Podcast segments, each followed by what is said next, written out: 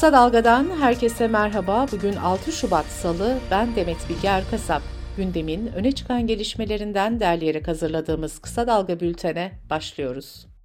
Resmi verilere göre 53.537 kişinin yaşamını yitirdiği 6 Şubat depremlerinin üzerinden tam bir yıl geçti.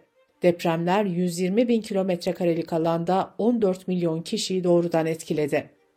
11 il, 124 ilçe, 6929 köy ve mahallede ağır yıkım oldu.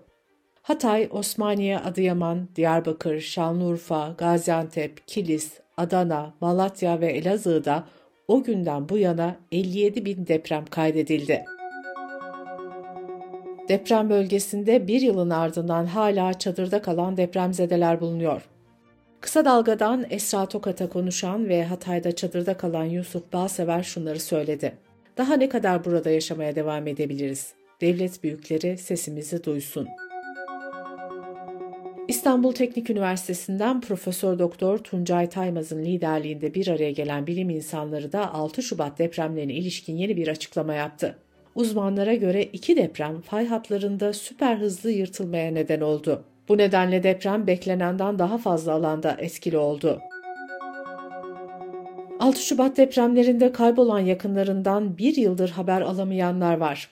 Ahmet Karaman'la Suna Öztürk Hatay'daki Rönesans rezidansta oturan kızları Tuğba Koşar'la torunları Mustafa Kemal ve Mehmet Akif Koşar'dan tam bir yıldır haber alamıyor. Depremin ekonomik maliyeti 110 milyar dolar olarak hesaplanmıştı. Ekonomim gazetesinin haberine göre bir yılın ardından şu ana kadar yapılan harcamalarsa 30 milyar dolar düzeyinde kaldı. Malatya Cumhuriyet Başsavcılığı dönemin Çevre, Şehircilik ve İklim Değişikliği Bakanı Murat Kurum ve diğer kamu görevlileri hakkında yapılan suç duyurusu için soruşturmaya yer olmadığına karar verdi.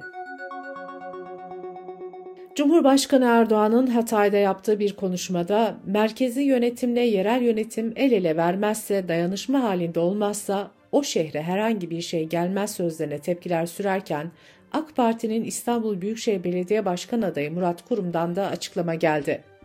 Kurum, yerel yönetimlerin ilçe ölçeğinde büyükşehirle uyumlu olması, merkezi idareyle uyumlu olması şehre avantaj sağlar. Cumhurbaşkanımızın da ifade ettiği budur diye konuştu. Son günlerde sık sık gündeme gelen cinayet haberlerine bir yenisi daha eklendi. İstanbul Güngören'de nişanlısıyla birlikte bir restorana giden müzisyen Umut Emre Aytekin'le iki kişi arasında tartışma çıktı. Bu kişilerin saldırdığı Aytekin hayatını kaybetti. Oyuncu Farah Zeynep Abdullah hakkında İpek Er'e cinsel saldırıda bulunduğu iddia edilen uzman çavuş Musa Orhan'a hakaret ettiği iddiasıyla açılan davada karar çıktı.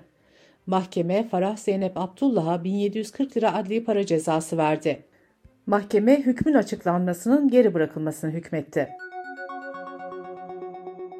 Mimarlar Odası Ankara Şubesi'nin açtığı dava sonucunda mahkeme Atatürk Kültür Merkezi alanlarında Millet Bahçesi'nin ikinci planını da iptal etti. Kısa Dalga Bülten'de sırada ekonomi haberleri var. Yılın ilk enflasyonu açıklandı. Türkiye İstatistik Kurumu'nun verilerine göre yıllık enflasyon %64.86, aylık enflasyon ise %6.7 oldu. Her ay kendi hesapladığı enflasyon oranını açıklayan Enflasyon Araştırma Grubu'na göre aylık enflasyon %9.38, yıllık enflasyon ise %129. Disk Araştırma Merkezi de en yoksul %20'lik gelir grubunda gıda enflasyonunun %109,5 olduğunu duyurdu. Resmi enflasyon oranı baz alındığında iş yerlerinde uygulanacak tavan zam oranı da %54.72 olarak hesaplandı. TÜİK her sene olduğu gibi bu yılda Ocak ayı verileriyle birlikte enflasyon sepetinde güncellemeye gitti. Sepete yeni giren maddeler vodka, kadın montu, düğün, nişan ve benzeri toplantılar için salon kirası oldu. Çocuk ayakkabısı ise sepetten çıktı. Hazine ve Maliye Bakanı Mehmet Şimşek, Şubat ayından itibaren aylık enflasyonun kayda değer şekilde düşeceğini söyledi. Merkez Bankası'nın yeni başkanı Fatih Karahan göreve geldikten sonra yaptığı ilk açıklamada önceliğimiz fiyat istikrarı dedi. Karahan yönetimindeki Merkez Bankası'nın ilk kararı da Türk lirasının mevduat payının artırılması oldu. Buna göre bir aydan uzun vadeli mevduat hesaplarında zorunlu karşılıklara 3 ayda bir faiz uygulanacak.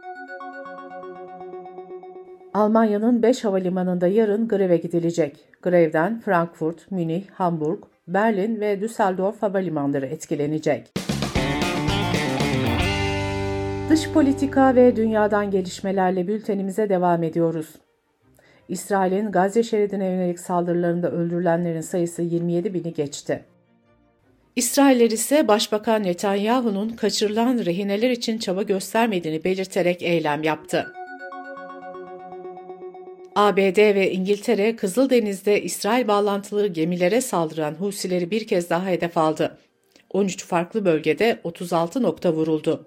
Husiler ise saldırılara devam edeceklerini duyurdu.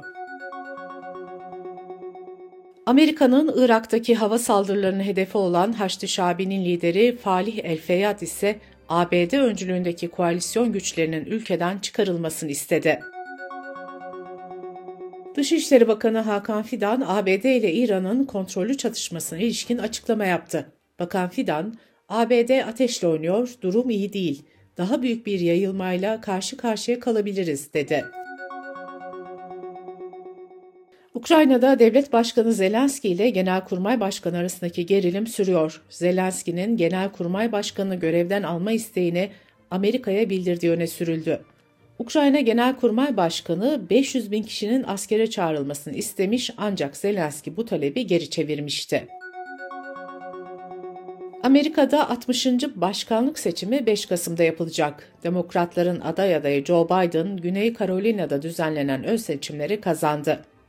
Demokratlar ve Cumhuriyetçilerin ön seçimleri Haziran ayına kadar devam edecek. Eski ABD Başkanı Donald Trump'ın ABD-Meksika sınırına timsahla dolu hendek kazılması önerisi tekrar gündeme geldi. Cumhuriyetçi Temsilciler Meclisi'nin bir üyesi güney sınırını güvence altına almak amacıyla timsahlı hendekler fikrine destek vereceğini söyledi. Senegal'de 25 Şubat'ta yapılacak Cumhurbaşkanı seçiminin süresiz ertelenmesi sonrasında başkent Dakar'da göstericiler sokağa çıktı. Polis müdahale etti, muhalif siyasetçilerle bir Cumhurbaşkanı adayı da gözaltına alındı. Güney Amerika ülkesi Şili'de onlarca noktada devam eden orman yangınları nedeniyle en az 100 kişi hayatını kaybetti. Yüzlerce ev küle döndü, binlerce kişi de tahliye edildi. Hükümet yangınlar nedeniyle olağanüstü hal ilan etmişti. Kültür, sanat ve yaşam haberlerine bakalım. Nazım Hikmet 122. doğum yıl dönümünde Moskova'da anıldı. Sanatçı Türkan Şoray'ın da katıldığı etkinlikte Ferhat'la Şirin filminin özel gösterimi yapıldı. Müzik dünyasının en prestijli ödülleri olan 66. Grammy ödülleri sahiplerini buldu. Taylor Swift dördüncü kez yılın albümü kategorisinde ödül kazandı. Törende sanatçı Annie Lennox sahneden Gazze'de ateşkes çağrısı yaptı. Rapçi Killer Mike ise ödülünü aldıktan sonra sahne arkasında bir kavgaya karıştığı gerekçesiyle gözaltına alındı. Show TV'de yayınlanan Güldür Güldür Show'da gazilere ithafen kullanılan kurşun yemek seni ayrıcalıklı yapmaz sözleri sosyal medyada tepki çekmişti. Rütük yayınla ilgili inceleme başlattı. Güldür Güldür ekibi skeci yayından kaldırdı ve özür diledi. Aydın'ın Memecik zeytinyağı Avrupa Birliği coğrafi işaret tescili aldı. Daha önce de Milas ve Edremit zeytinyağları Avrupa Birliği'nden coğrafi işaret tescili almıştı. Kısa dalgadan bir öneriyle bültenimizi bitiriyoruz. Ankara kulislerinde neler konuşuluyor? CHP'nin açıkladığı adaylar neden tepki topluyor? Gazeteciler Sedat Bozkurt ve Çağrı Sarı'nın hazırlayıp sunduğu Politikest'i kısa dalga.net adresimizden ve podcast platformlarından dinleyebilirsiniz.